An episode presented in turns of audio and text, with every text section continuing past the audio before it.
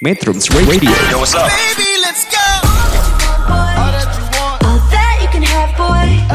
Got me spread like a buffet. Bon night, Now they always say congratulations. Come and strip that down for me. I'm on my way. Girl, come and strip that down for me.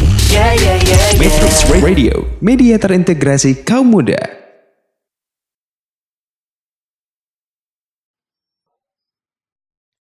Selamat malam metronom, berjumpa kembali di acara Arah Pandang, Bincang Ideologi dan Politik Internasional, edisi Kamis tanggal 17 bulan Juni tahun 2021. Masih dari radio online Metrum Bandung di bilangan Jati Handap Bandung. Pada edisi kali ini, metronom selama kurang lebih satu jam ke depan akan bersama saya, Desmond. Telah hadir bersama saya dua narasumber. Selamat malam, Kang Randy Suhardiman, apa kabar? Baik, pada semua, selamat malam. Terima kasih ya berkenan hadir. Saya akan menyapa narasumber kedua, Bung Wim Tohri Danialdi. Apa kabar, Bung Aldi? Apa kabar Pak? Alhamdulillah baik. Baik, nanti suaranya agak diangkat sedikit ya. Oh iya Pak. Ya, eh, metronom, selama berdiskusi nanti bersama dua narasumber kita, kita akan berbincang sebuah topik yang menarik, Panglima TNI dari masa ke masa. Sebagaimana kita ketahui bahwa kehadiran seorang Panglima TNI tidak bisa lepas dari simbol keamanan nasional sebuah negara, dalam hal ini adalah Indonesia. Dan di sisi lain kita juga melihat bahwa ada saling mempengaruhi antara sistem internasional yang berlaku terhadap perilaku keamanan nasional sebuah negara, termasuk bagaimana menciptakan kekuatan nasional, dan ini sangat bertumpu pada kehadiran seorang Panglima TNI. Metronom dalam kesempatan ini untuk mendengarkan siaran radio Metro, Metronom dapat mengunduh aplikasi Android Metro Radio di Play Store pada tautan bit.ly slash Metrum Radio, satu aplikasi menjelajah berbagai platform. Bagi pengguna perangkat Apple, dapat menyimak program Arah Pandang melalui App Store Online, Radio Box, Radiosnet, atau Radio.net. Atau metronom juga bisa menyimak talk show ideologi dan politik internasional ini melalui bit.ly slash webmetrum pada laman situs metrum.co.id atau melalui Radio Garden bit.ly slash Radio Garden Medroom, atau melalui aplikasi radio lainnya, gunakan saja kata kunci Medroom Radio. Metronom juga dapat mendengarkan ulang rekaman talk show berupa podcast di beberapa aplikasi podcast bagi pengguna perangkat Android maupun Apple. Gunakan saja kata kunci Metrum Radio.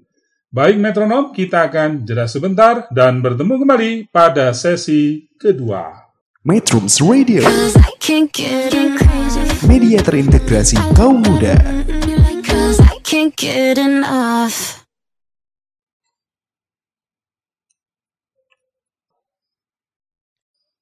Metronom, saat ini kita berada di sesi kedua acara Arah Pandang Bincang Ideologi dan Politik Internasional. Pada sesi ini narasumber kita, Bung Randy Suhardiman akan menemani perbincangan kita. Bung Randy, bagaimana sejarah Panglima TNI dari masa ke masa? Panglima TNI dari masa ke masa ya sesuai apa yang tulisan bilang bahwa terkait dalam pemilihannya dengan ancaman nasional itu ya betul. Kita kalau kita lihat kan pertama mengapa Sudirman bisa terpilih dalam konferensi di Yogyakarta tanggal 12 November 1945 ya karena jelas ancamannya karena waktu itu kita menghadapi Belanda dan Inggris. Kenapa eh, ancaman kenapa yang dipilih Sudirman? Sudirman punya karisma di situ karena di, beliau berhasil memenangkan pertempuran Ambarawa tahun 45 waktu itu kan ada pertempuran Ambarawa beliau berhasil nama beliau harum terpilihlah beliau dengan dengan didukung peta gitu ya. Sementara kan pendukung dari Kenil dari pendidikan Belanda itu sebenarnya memilihnya cenderung ke Pak Urip. Tapi oleh Sudirman tahu diakomodir saya nggak mungkin memecat Pak Urip karena Pak Urip itu adalah kepala staf juga yang berpengalaman sebelum saya diangkatlah Pak Urip sampai akhirnya dari dia dengan dari 46 ya sampai 49 kita bertempur di bawah Panglima Sudirman. Sampai beliau pun masih sakit-sakit. Tapi yang paling unik ini adalah Sudirman ini karena memiliki karismatis sehingga oleh saudara petanya pun dihormati gitu dihormati. Apa yang kata Sudirman? A A gitu kan begitu.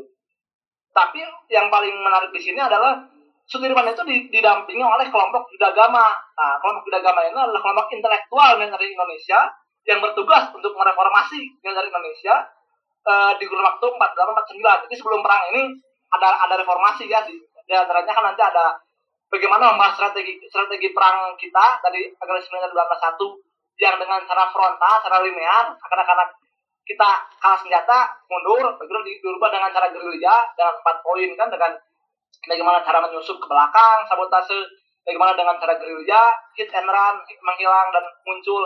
Sampai akhirnya kan tujuannya melemahkan lawan. Tapi karena kita juga persenjataan masih kurang, akhirnya kan eh, apa eh, maksudnya eh, kita tidak bisa mengalahkan Belanda, tapi Belanda pun juga tidak bisa mengalahkan kita, kita ada gitu.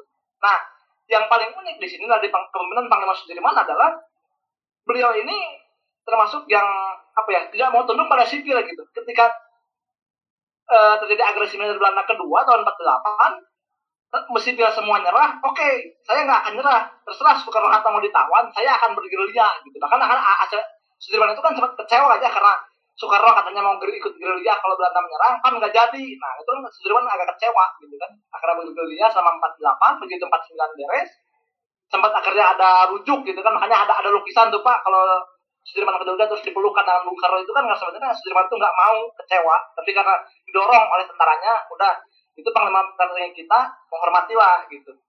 Sampai akhirnya tahun 50 Sudirman wafat, diganti lagi oleh Pak Simatupang sebagai kepala staf angkatan perang. Nah kepala staf ini kan tugasnya hanya sebagai mengkoordinasi, nggak punya komando.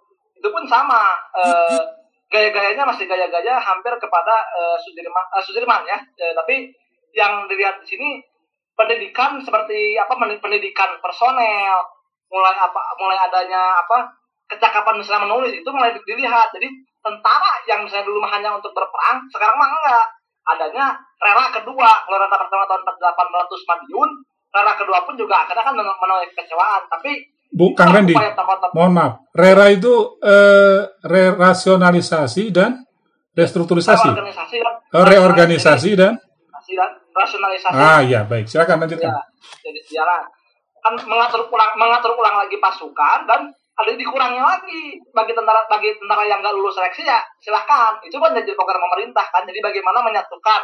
Bahkan di tiap perdana menteri itu menyatukan gerilyawan ke e, masyarakat kayak gitu kan. Itu kan begitu. Tapi karena akhirnya nggak bertahan lama rela ini juga dikecam e, beberapa pihak peta digulingkan lah kelompoknya Simatupang tahun adanya peristiwa Oktober 52 digulingkan lagi. Nah, selama tiga tahun ini kan akhirnya dipegang oleh ini ya oleh Pak Zulkifli Lubis sebagai wakil kasat. Waktu itu kan panglima tertingginya masih masih masih Soekarno. Nah, tahun 55 ketika Nasution diangkat lagi, Nasution itu diangkat sebagai tiga jabatan. Kepala Staf Angkatan Darat, Gabungan Kepala Staf dan eh, juga sebagai Menhan. Kenapa? Kalau kita lihat peristiwa internasional pada waktu itu apa? Adanya meletusnya peristiwa Parade Mermesta enggak lama setelah itu. Nah, Soekarno tahu yang bisa menghadapi Parade Mermesta dan dipercaya Amerika Serikat untuk melobi itu Nasution makanya diangkat itu sebagai tiga, tiga jabatan. Nah, sekarang belum ada lagi. Kan siapa kasih siapa panglima siapa itu udah beda orang. Tapi waktu itu karena nggak ada orang akhirnya tiga jabatan itu dirangkap oleh Pak Nasution. Pak Nasution sampai terjadi peristiwa Irian Barat pun masih Pak Nasution. Kenapa Soekarno mempertahankan Nasution? Tahu. Yang bisa melobi Uni Soviet. Agar mau menyerahkan persenjataannya ya Pak Nasution itu. Jadi kalau tadi kata Pak Nasution kita berpengaruh internasional betul ada apalagi kita tahun-tahun ini kita melihat gitu. Halo, suaranya Bung. Perwira kita yang bisa sekolah kayak Ahmad Yani, ya kayak Ahmad Yani juga itu juga perwira yang dikirim ke Amerika. Tapi ada juga perwira yang sekolah ke Rusia kayak Jati Kusumo sama itu oleh dua kutub itu diterima gitu Pak. Sehingga karena diterima ini oleh Soekarno tetap dipertahankan sampai waktunya setelah Irian Barat beres, setelah Irian Barat selesai, karena Nasution dianggap oleh Soekarno dalam tanda kutip terlalu terlalu profesional, saya itu ingin tentara yang yang loyal, diangkat Ahmad Yani penggantinya. Nasution itu mulai tersi, tersi, tersi, apa tersingkirkan lah gitu ya. Cuman di sini yang kita bisa lihat peristiwa Pak Nas, eh, apa Pak Nas ini kan punya punya prinsip gini saya panglima dari darat, tapi saya punya eh, wawasan tahu ke depan untuk bagaimana tentara apa militer kita ini kuat gitu. Makanya beliau dari angkatan darat, tapi beliau itu bisa mengintegrasikan semuanya. Baik bagaimana pema- pemahaman beliau tentang akan membangun angkatan laut di Irian Barat itu sudah ada kalau sekarang kita lihat. Kenapa banyak tokoh-tokoh bangun tuh pangkalan di Irian Barat itu sudah program lama tapi kita nggak pernah lihat itu gitu. Bagaimana kenapa beliau ingin menempatkan eh, apa militer, angkatan udara di Kalimantan itu supaya supaya kita tuh kan terlindungi. Jadi laut itu nanti di tengah darat di Bandung laut di Irian Barat itu itu untuk itu ada geopolitiknya gitu. Cuman itu kan mahal untuk butuh persenjataan dan peralatan dari luar gitu. Sampai digantinya pun dengan orde baru pun begitu orde baru kita lihat pak cenderung ke Amerika cenderung ke Amerika baik Benny Murdani atau panglima-panglima yang diangkat oleh Soeharto kecuali Faisal Tanjung itu pronya ke Amerika. Nah kalau Faisal Tanjung itu agak melihat adanya modernisasi dia cenderung ke Rusia juga pak waktu tahun 94 oh sepertinya kita akan beli pesawat Sukhoi katanya ada ke, arah situ. Jadi kita nggak hanya blok dari Amerika saja enggak tapi ada blok juga dari Rusia. Gitu. cuman karena maksudnya eh, apa karena dominannya masih oleh Soeharto jadi akhirnya itu eh, rencana itu nggak nggak di ini apa nggak di nggak ditindak lanjut gitu ya. Bahkan kalau zaman Soeharto kan kita lihat bagaimana operasi intelijen kita ke Israel bawa pulang 32 32 pesawat Skyhawk juga itu. Sesuatu yang di luar nalar kita tapi terjadi gitu pak. Nah mungkin seperti itu nah sementara kalau reformasi ya itu reformasi ada pergantian panglima setelah Gus Dur ya setelah desi Gus Dur dari mulai dulu AS sampai akhirnya nanti ya sekarang ada masing-masing ada jatah dalam tanda kutip gitu mungkin seperti itu dulu. Baik, eh, Bung Randy, eh, lengkap sekali paparan tadi dari masa ke masa kehadiran Panglima TNI dari zaman Indonesia baru merdeka di era Orde Lama, Orde Baru hingga Orde Reformasi. Saya menangkap satu poin yang tadi disampaikan adalah berarti kehadiran sosok Panglima TNI ini dibaca dan diperhitungkan oleh politik internasional, bukan begitu? iya betul. Betul. Itu jelas. Dan eh, kehadiran Panglima TNI bukan saja terkait kepada bagaimana membangun keamanan nasional negara, tetapi juga bagaimana membaca ancaman dari sistem internasional yang tengah Ya. berlaku. iya betul Baik, iya betul eh, saya ingin beralih ke Bung Aldi. Bagaimana Bung Aldi melihat eh, begitu apa lengkap tadi paparan eh, Bung Randy tentang sejarah Panglima TNI dari masa ke masa? Ya, eh, saya juga banyak dapat ini ya, dapat insight gitu dari pemaparannya Bung Reni tadi. Tapi saya setuju dengan Pak De, apa saya juga setuju dengan Pak Desmond tadi ya bahwa eh, yang namanya pemilihan panglima itu memang menjadi keputusan prerogatif presiden iya gitu. Dan itu biasanya pertimbangannya itu jelas tentang eh, situasi geopolitik inter- internasional.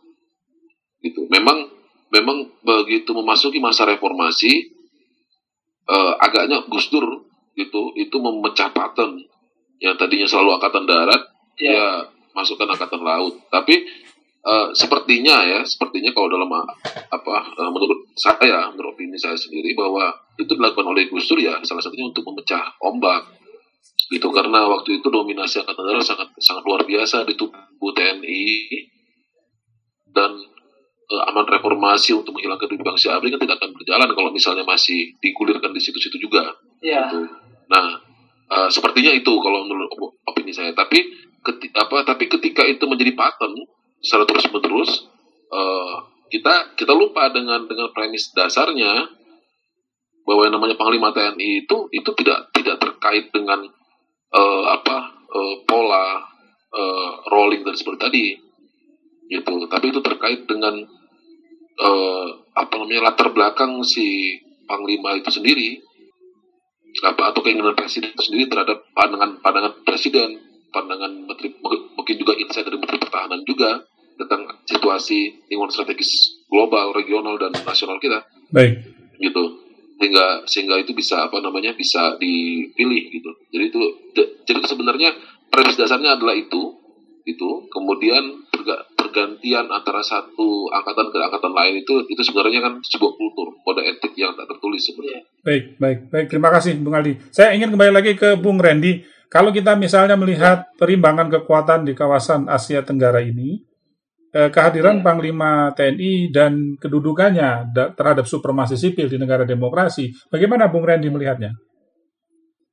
ya kalau kalau saya lihat kan kalau Indonesia itu masih masih termasuk yang transisi ya jadi agak apa ada kecenderungan harusnya di, di bawah sipil. Tapi ada kemungkinan ini ka- karena jaba, karena jabatannya di TNI numpuk sehingga ada beberapa anggapan gini adanya tentara yang masuk lagi ke sipil seperti itu, atau penempatan di kementerian juga jadi hal buruk gitu banyak jadi kita sudah capek-capek mendidik tentara dilatih dilatih di, di, di apa di, dididik tapi kok hanya menduduki di sipil? Itu pun juga sesuatu yang kemunduran gitu kan padahal kalau lihat kita tentara profesional yaitu dulu model kedua ya tentara yang model tentara yang profesional itu tentara yang dia akan keluar barak ketika ada musuh atau bencana alam ketika sudah beres ya keluar. Tapi kenyataannya kan ketika Indo- Indonesia ini kan termasuk tergolong yang masih abu-abu ya. Jadi mau di sipil terus juga nggak bisa karena penuh dengan alasan penuh dan dengan alasan numpuk akhirnya ada, ada penempatan di, di, di bawah apa tentara ke sipil lagi juga hal hal buruk. Tapi kalau kita eh, apa kalau kita di militer terus juga nggak berjalan karena misalnya terlalu banyak itu juga jadi hal dilema gitu pak. Kecuali kalau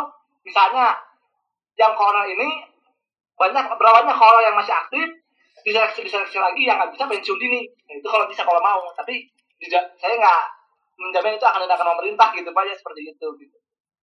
Kalau negara-negara maju seperti Malaysia atau Singapura itu sudah di bawah kontrol sipil. Menhannya pun juga dari sipil punya kuasa penuh gitu nggak masalah. Tapi kan Indonesia ini masih abu-abu saya bilang masih masih mau di, di, bawah sipil tapi kenyataannya mereka nggak mau bahkan ingin jabatan-jabatan sipil pun juga di- dikuasai oleh TNI lagi gitu beberapa dengan alasan misalnya karena eh, apa dengan alasan karena jabatannya penuh apa di TNI nggak lagi jabatan ya itu harus dipikirkan lagi ulang kalau mau gitu pak Baik, baik, baik, menarik sekali ya membahas tentang ini. Eh, tidak banyak mungkin yang menyadari bahwa betapa penting posisi seorang Panglima TNI bagi masa depan keamanan nasional sebuah negara. Dalam hal ini adalah Indonesia yang berada di antara dua kekuatan besar di masa lalu dan di masa kini, dan di antara dua ideologi besar baik di masa lalu dan di masa kini. Baik, nanti kita akan eh, kupas lebih lanjut pada sesi ketiga bersama Bung Wim Tohari dan Yaldi. Metronom jangan ke mana-mana, kita akan berjumpa kembali pada sesi ketiga.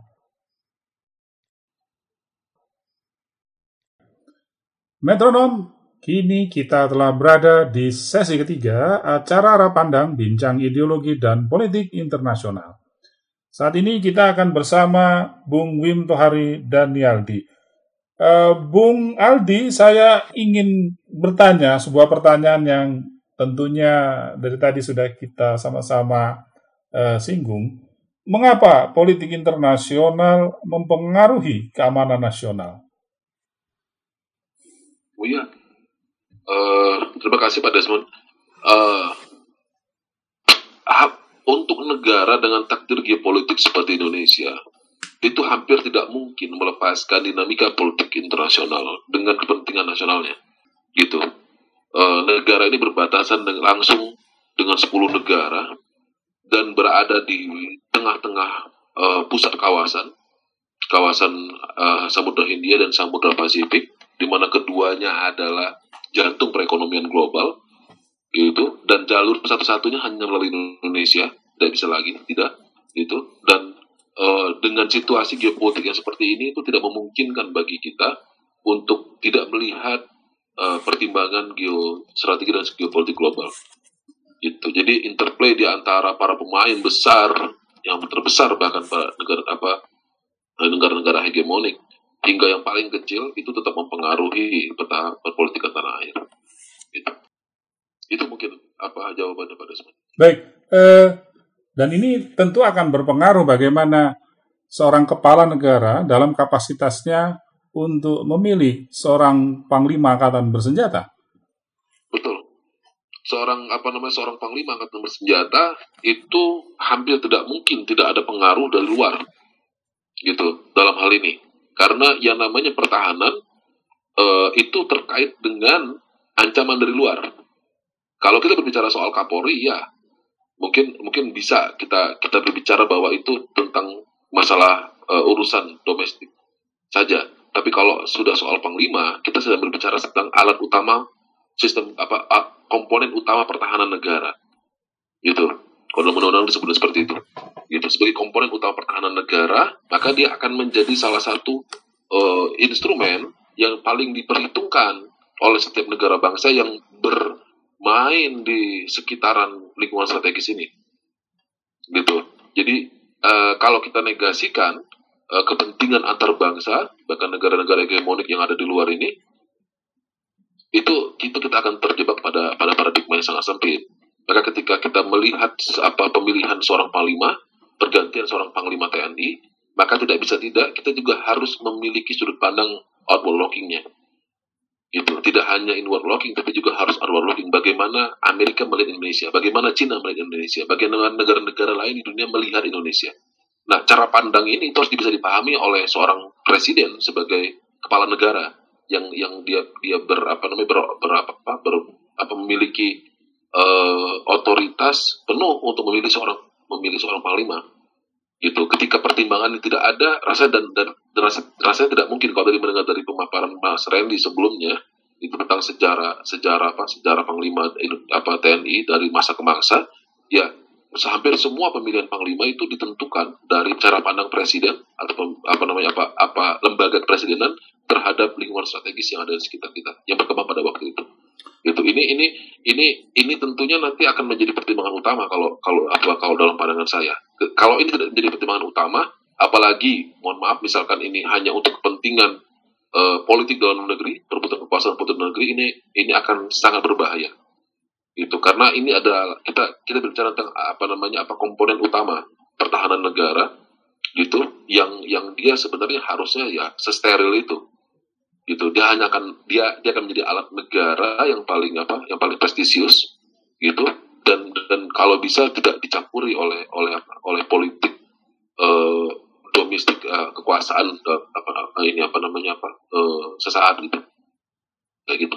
Baik, eh, berarti eh, di luar idiosinkretik seorang kepala negara, memilih seorang panglima angkatan bersenjata sangat dipengaruhi oleh lingkungan strategis yang dihadapi oleh sebuah negara yang dipimpin oleh kepala negara itu. Ancang- Iya. ancaman, tantangan, hambatan, dan gangguan baik dari inward dan outward, dua-duanya eh, menjadi variabel yang paling menentukan dalam memilih panglima. betul dan dan dan harus rigid itu Harus serigid itu. Harus rigid itu. Karena karena juga apa karena karena juga eh, dia sebagai alat utama apa namanya apa pertahanan negara eh, dia memiliki satu pedoman dan kultur politik sendiri sebenarnya dalam tubuh TNI itu sendiri. Maka ketika presiden itu memilih seorang seorang calon panglima harusnya juga dia memahami eh, tingkat keberpengaruhan orang ini. Itu dia dia dia sudah beyond apa kompetensi. Jadi dia sudah harus harus melampaui itu gitu. Artinya dia juga memiliki pengaruh politik di antara para prajurit. Dia harus memiliki apa namanya apa apa kebi apa namanya ke apa eh, wisdom ya terhadap semua matra. Gitu.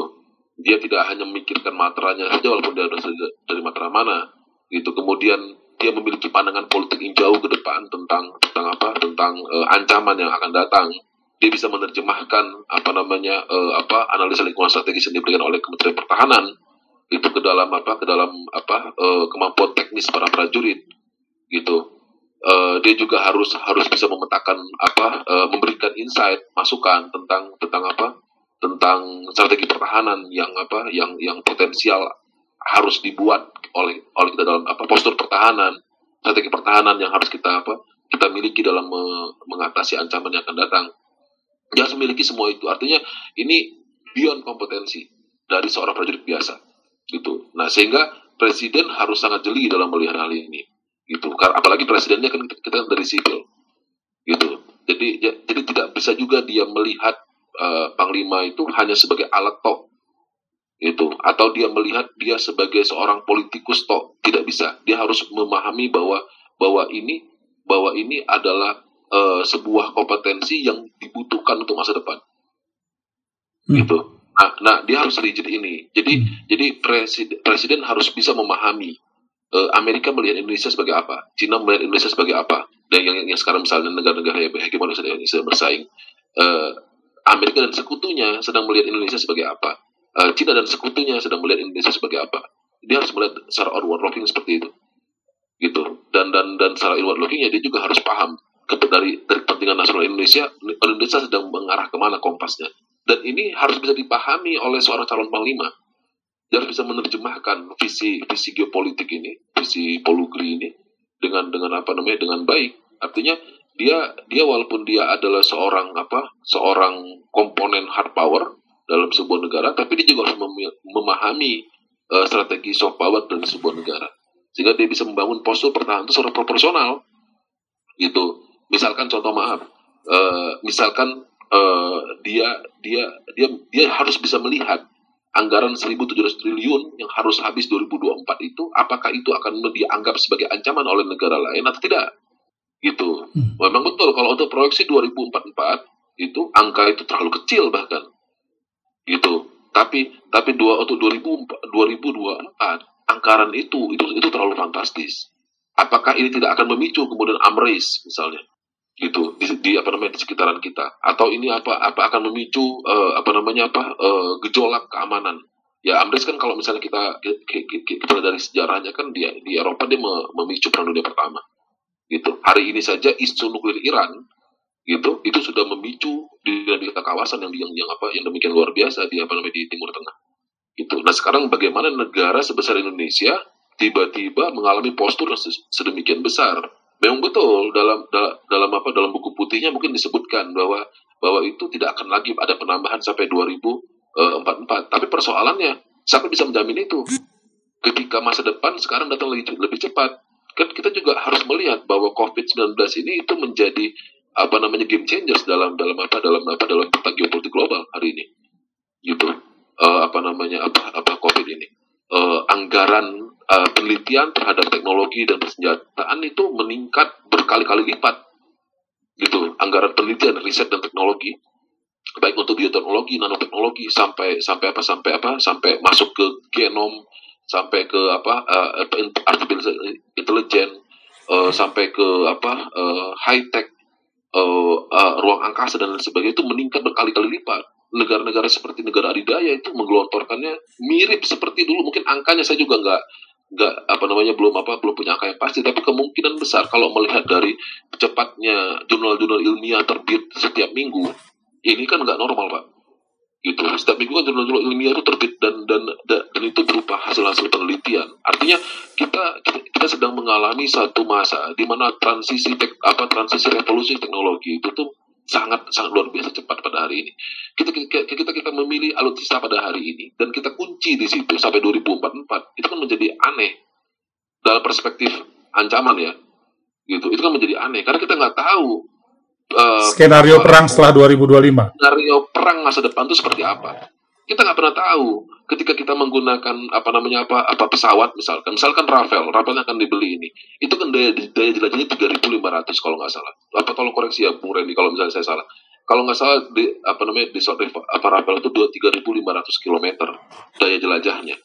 Gitu. Artinya a- artinya ketika ketika dia punya daya daya- jelajah segitu itu dia hanya hanya memiliki pro, proporsi 1.700 km gitu. Sedangkan Indonesia itu dari Sabang sampai Merauke itu 5.000 km, Pak. Hmm. Gitu. Pertanyaan kita kan akan di mana itu tem- apa namanya apa barang-barang itu di apa namanya diletakkan. Ketika barang-barang itu diletakkan di mana, eh, potensi ancaman akan ada, ada ada di sana. Sedangkan ruang negara kita kan terbuka semua. Gitu. Orang juga akan bertanya di masa depan, kenapa tidak menggunakan rudal? Hmm. gitu atau atau atau apa namanya atau rudal penangkal atau lain sebagainya itu kan bisa masih masih bisa banyak percakapan yang sedang dipertimbangkan dalam hal ini. Nah, seorang panglima kan harus lebih bisa lagi memahami taktikal apa namanya apa eh, apa postur ya seperti itu. Itu sampai detail seperti itu. Gitu. Jadi jadi apa eh, saya yakin negara-negara tetangga seperti Singapura, Malaysia, apalagi seperti Australia yang yang yang apa yang yang sangat apa yang yang terbilang cukup apa cukup strike itu kalau kalau melihat kita itu. Itu apa eh, cukup ketat ya kalau melihat kita itu strict ya. Itu kalau melihat kita itu ya dia dia akan akan sangat menghitung hal seperti ini. Pertimbangan saya. Ya, gitu Eh, menurut saya. tapi selama ini kan ada semacam mindset yang diutarakan bahwa posisi Indonesia adalah realism defensif ya. Walaupun terjadi peningkatan alutsista, itu tidak akan memberikan deterrence effect terhadap negara-negara tetangga. karena kita eh, me- apa, berkomitmen pada realism defensif. Bagaimana Bung melihat ini? betul apa namanya apa eh, dan dan dan itu tercermin melalui tingkah laku kan behavioralis Hmm. gitu melalui tingkah laku negara dan dan da- da- dan selama ini eh, ucapan itu eh, ter- terrealisasi dalam da- dalam fakta tapi ketika ketika 1.700 triliun tiba-tiba ada kira-kira seperti apa Ya, saya melihat 10 tahun terakhir, kalau tidak salah nanti mungkin Bung Randy bisa bantu koreksi saya, eh, konflik Laut China Selatan itu telah mendorong peningkatan anggaran pertahanan eh, tujuh negara di Asia Tenggara. Apakah ada hubungan langsung atau tidak? Tetapi pada kenyataannya ada tujuh negara yang otomatis meningkatkan anggaran pertahanan di kawasan Asia Tenggara. ini memang menjadi ini ya menjadi apa eh, saya juga baru tahu fakta ini gitu saya juga baru tahu fakta ini artinya ada perubahan persepsi ancaman kan Ya, ada perubahan persepsi ancaman dan ujungnya nanti ya ke deterrence effect dan tentu terakhir adalah eh, skenario keamanan akan berubah. Betul. Nah, ketika ke- ketika kita meningkatkan seperti itu kan orang juga akan apa akan bertanya seperti apa sebenarnya persepsi ancaman kita. Eh, seurgent apa atau kemudian se apa namanya se apa se apa ya eh seberbahaya apa gitu ya ancaman yang yang sebenarnya sedang sedang apa sedang kita lihat gitu. Ya yang yang itu tentu saja ini kan kita juga nggak terlalu paham. Gitu, Ya. karena ini kan banyak banyak apa banyak apa banyak analisa dari para ahli yang yang kita nggak terlalu apa nggak terlalu eh, yang, yang tidak terlalu ter- terbuka untuk umum untuk melihat hal ini. Tapi kan dengan dasar-dasar eh, dari media yang ada pun kita juga sebenarnya bisa melihat bahwa tensi ini semakin lama memang semakin meningkat. Ya, gitu dan dan apa eh, sebenarnya kalau apa kalau kalau begitu sebenarnya angka seperti itu ya sebenarnya bisa benar bisa tidak asalkan alasan jelas. Ya, gitu. Kalau misalnya alasannya itu tidak jelas nah nah ya pak dan dan, dan ini yang, yang yang membutuhkan penjelasan. Gitu. Nah eh, kembali lagi pada panglima tadi panglima harus bisa membahasakan ini dengan baik atau memahami ini dengan baik. Seorang, seorang calon panglima TNI harus bisa memahami ini dengan baik.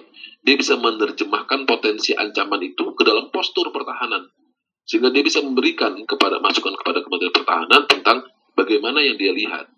Gitu. Apakah benar Rafael itu adalah adalah sebuah sebuah apa sebuah eh, apa eh, alutsista sistem dibutuhkan atau kan kita kita kita membutuhkan yang lain. Artinya kalau kita kita kalau kita memiliki Rafael misalnya itu butuh berapa tahun untuk melatih prajurit untuk meng- mengendarai itu. Kita membutuhkan juga persiapan untuk apa namanya untuk apa untuk melakukan itu. Atau kita memberikan alutsista lain yang apa namanya yang, berbeda kita juga membutuhkan pendidikan para pilot juga untuk apa untuk menjalankan alutsista yang canggih seperti itu. Gitu. Hal-hal seperti ini kan apa panglima TNI harus sangat memahami jadi ketika Kementerian Pertahanan itu men, apa namanya memberikan apa namanya eh, apa eh, analisa ancaman maka dia bisa memberikan masukan ter- terhadap postur pertahanan. Gitu. Nah ini tidak terkait dengan matra. Gitu. Jadi pandangan seperti ini tidak identik dengan matra. Artinya mau matranya laut darat udara ini sebenarnya bisa. Bisa macam-macam bisa bisa siapa saja. Bisa siapa saja. bisa siapa saja. Gitu. Asalkan tadi orangnya harus mampu menerjemahkan ini dengan baik gitu nah apa eh, apa eh, ini ini ini mungkin yang apa yang saya bisa eh, sampaikan ya sebagai opini Baik, baik, terima kasih banyak Bung Aldi. Saya mau beralih ke Bung Randy. Bung Randy, bagaimana Anda melihat eh, dampak perubahan politik internasional terhadap keputusan pemilihan seorang panglima angkatan bersenjata? ya tentu sangat berpengaruh ya kalau hasil gini.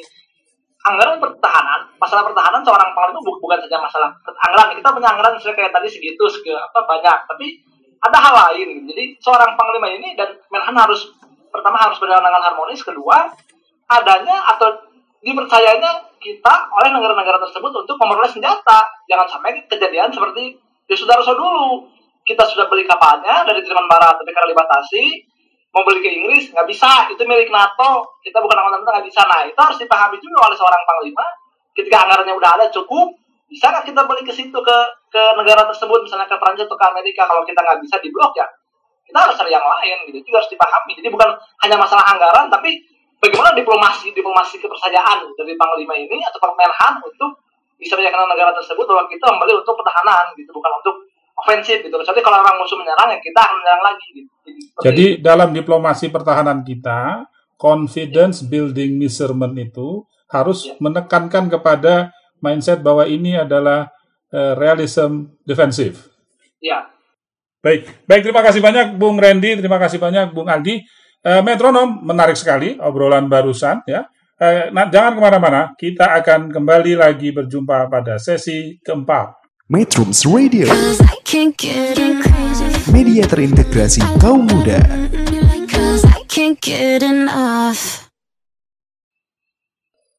Metronom, tibalah kita di penghujung acara Arah Pandang Bincang Ideologi dan Politik Internasional. Ini adalah sesi keempat, dan ini adalah sesi pamungkas. Saya akan berarah kepada Bung Randy. Menurut Bung Randy, bagaimana sih idealnya seorang Panglima Angkatan Bersenjata sekarang? Seperti apa? ya yang pertama tentu harus bisa memetakan potensi ancaman ya kalau kalau kita lihat kan ancaman luar negeri ancaman luar negeri terdiri atas misalnya laut Cina, konflik laut Cina Selatan konflik perbatasan dengan ambalan misalnya Indonesia Malaysia yang dibangunnya oleh minyak oleh, oleh energi nah yang kedua ancaman dari luar negeri ancaman luar negeri apa nih separatisme terorisme dan cyber. Nah seorang panglima juga harus bisa mengetahui itu. Ancaman baru ternyata ada ancaman cyber nih sekarang yang bisa balas eh, apa tingkat keberhasilannya lebih parah dari perang biasa gitu kan. Tinggal kita serang berita-berita hoax pun masyarakat yang enggak maaf dalam kutip masyarakat yang belum terbiasa untuk membaca itu ya bisa terpengaruh. Nah itu juga berpengaruh karena seorang panglima harus bisa memetakan itu. Oh ancaman ini. Nah setelah tahu barulah panglima apa eh, istilahnya merumuskanlah strategi militer Indonesia. Nah gini pak masalah kita itu kita belum ada ter, eh, strategi yang terko- terdokumentasi dengan baik ya. Jadi misalnya gini kita punya SKN strategi keamanan nasional. Itu apa visinya presiden ancaman dari presiden apa ancaman luar negerinya apa. Kalau udah ada dipetakan masuk ke strategi pertahanan nasional SPN yang itu diterjemahkan oleh Kemenhan. Kemenhan posturnya kayak apa? Nanti eh, arah militer kita mau ke mana? Itu Menhan. Ketika udah beres Menhan turun lagi ke Mabes TNI Mabes TNI nah tuh operasi militernya seperti apa? Pengerahan pasukannya kayak gimana? Nah itu harusnya ada sampai nanti ke paling akhir ke angkatan. Untuk angkatan darat misalnya karena ada ancaman dari poros eh, dari laut Selatan seperti apa misalnya. Oh untuk pengamanan aspek dalam jaringan listrik nah bisa. Untuk angkatan laut misalnya dengan kapal selam tenaga nuklir nah itu ada. Untuk angkatan udara misalnya dengan pesawat siluman itu semua terpetakan nah masalahnya sampai sekarang kita belum ada itu. Mungkin ada tapi saya nggak tahu. Tapi yang saya tahu itu nggak ada. Karena kita tidak punya Dewan Keamanan Nasional kalaupun ada kita punya Puan Kamhanas tapi ini belum menjadi forum yang bisa mengintegrasi antara Presiden Menhan dan Panglima. Nah, Panglima itu harus bisa seperti itu gitu. Dan jangan lupa, Panglima sekarang idealnya itu harus bisa mengintegrasikan ant- antara angkatan, bahkan lintas matra kalau saya katakan. Nah, ini yang jadi masalah karena ada kecenderungan ketika Panglima terpilih dari matra anu, matra misalnya udara ya, dia cenderung ke situ gitu, cenderung ngomong nah, matra yang keduanya dilupakan darat sama laut. Nah, nanti kepilih dari laut, laut yang darat sama udaranya terlalu gitu lah. Harapan kita Panglima yang sekarang adalah Panglima yang dia mengerti semua kebutuhan angkatan. Nah, inilah bapaknya angkatan gitu seperti kayak Pak Nas. Pak Nas itu dari angkatan darat, tapi beliau tahu apa ancaman ancaman eh, ke depannya Indonesia makanya beliau sangat konsen terhadap angkatan udara di Kalimantan dan angkatan laut di Irian Jaya itu sudah ada karena beliau bukan dari mata darat dari- bukan hanya darat enggak tapi mata lain pun dipikirkan beliau dengan panglima panglima setelah Pak Nasution kan kayak orde baru kan masa darat apalagi Benny Murni kan lebih ke intelijen gitu ya nah itu jadi panglima yang kalau menurut saya sih gini panglima tidak boleh berpolitik tapi paham politik luar negeri dan luar dalam negeri gitu aja gitu pak Baik, Eh, Bung Randy satu lagi.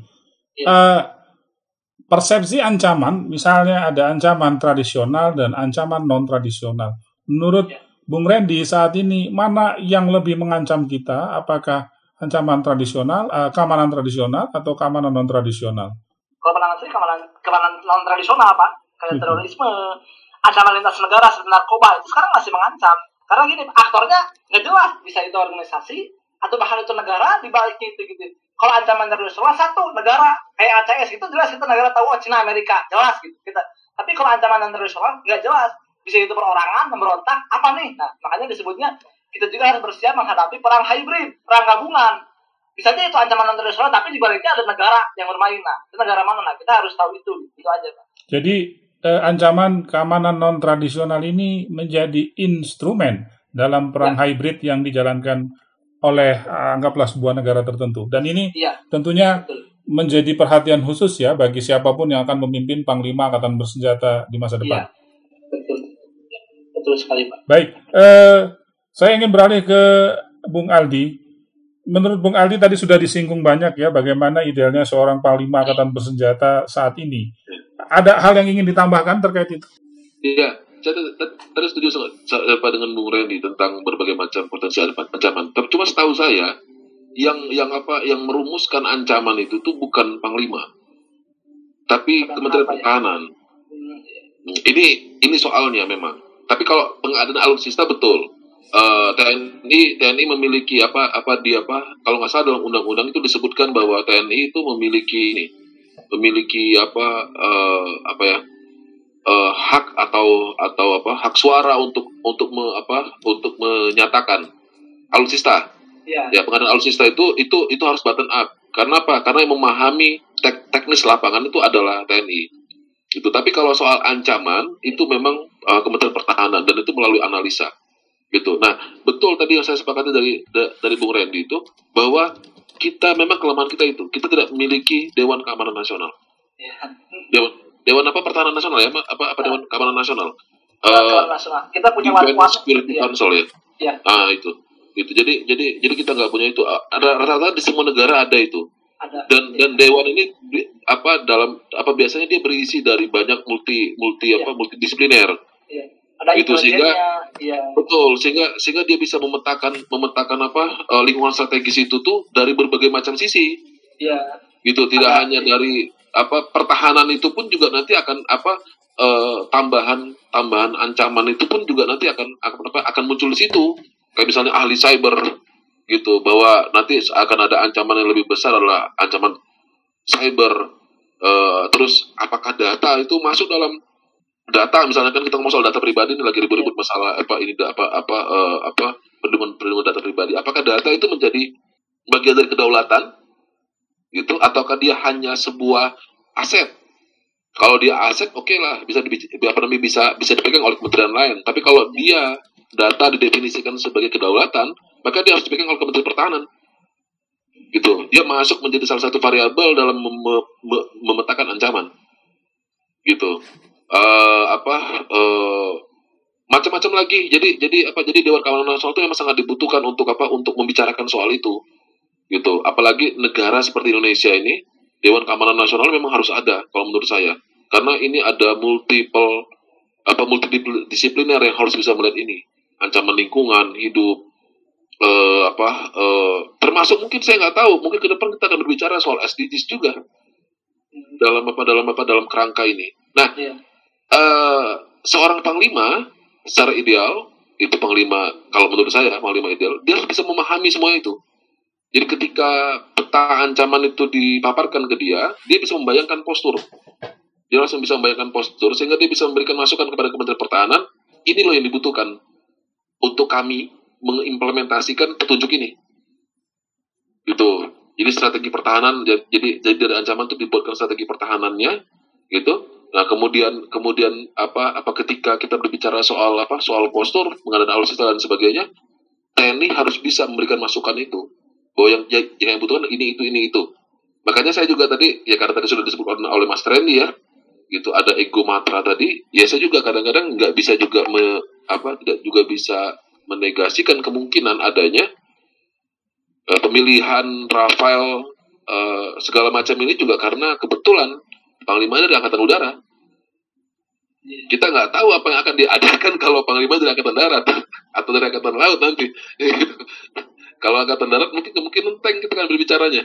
Gitu. Atau mungkin kita akan bicara soal rudal-rudal penangkal. Gitu. Atau kalau angkatan laut kita akan bicara soal kapal selam. Gitu. Kapal-kapal induk atau lain sebagainya. Ya ini kan ini ini juga betul tadi kata Mas Randy. Dia dia dia melihat apa apa lebih terasa gitu ego ego matranya gitu ya. Gitu nah ini ini ini apa apa sebagai tambahan Pak Baik. Saya, Pak. Baik, baik. Terima kasih banyak eh, Bung Aldi, terima kasih banyak eh, Bung Randy, Metronom. Pak. Demikian sesi keempat baru saja berlalu bersama Bung Randy Suhardiman dan Bung Wim Tohari Danialdi dengan topik Panglima TNI dari masa ke masa. Kita tentunya berharap bahwa keamanan nasional Indonesia akan makin kokoh menghadapi berbagai ancaman, tantangan, hambatan, dan gangguan, serta berbagai faktor determinasi dalam segala bentuk skala persepsi ancaman, baik yang datang dari outward maupun inward. Baik, eh, artinya perjumpaan kita harus diakhiri di sini.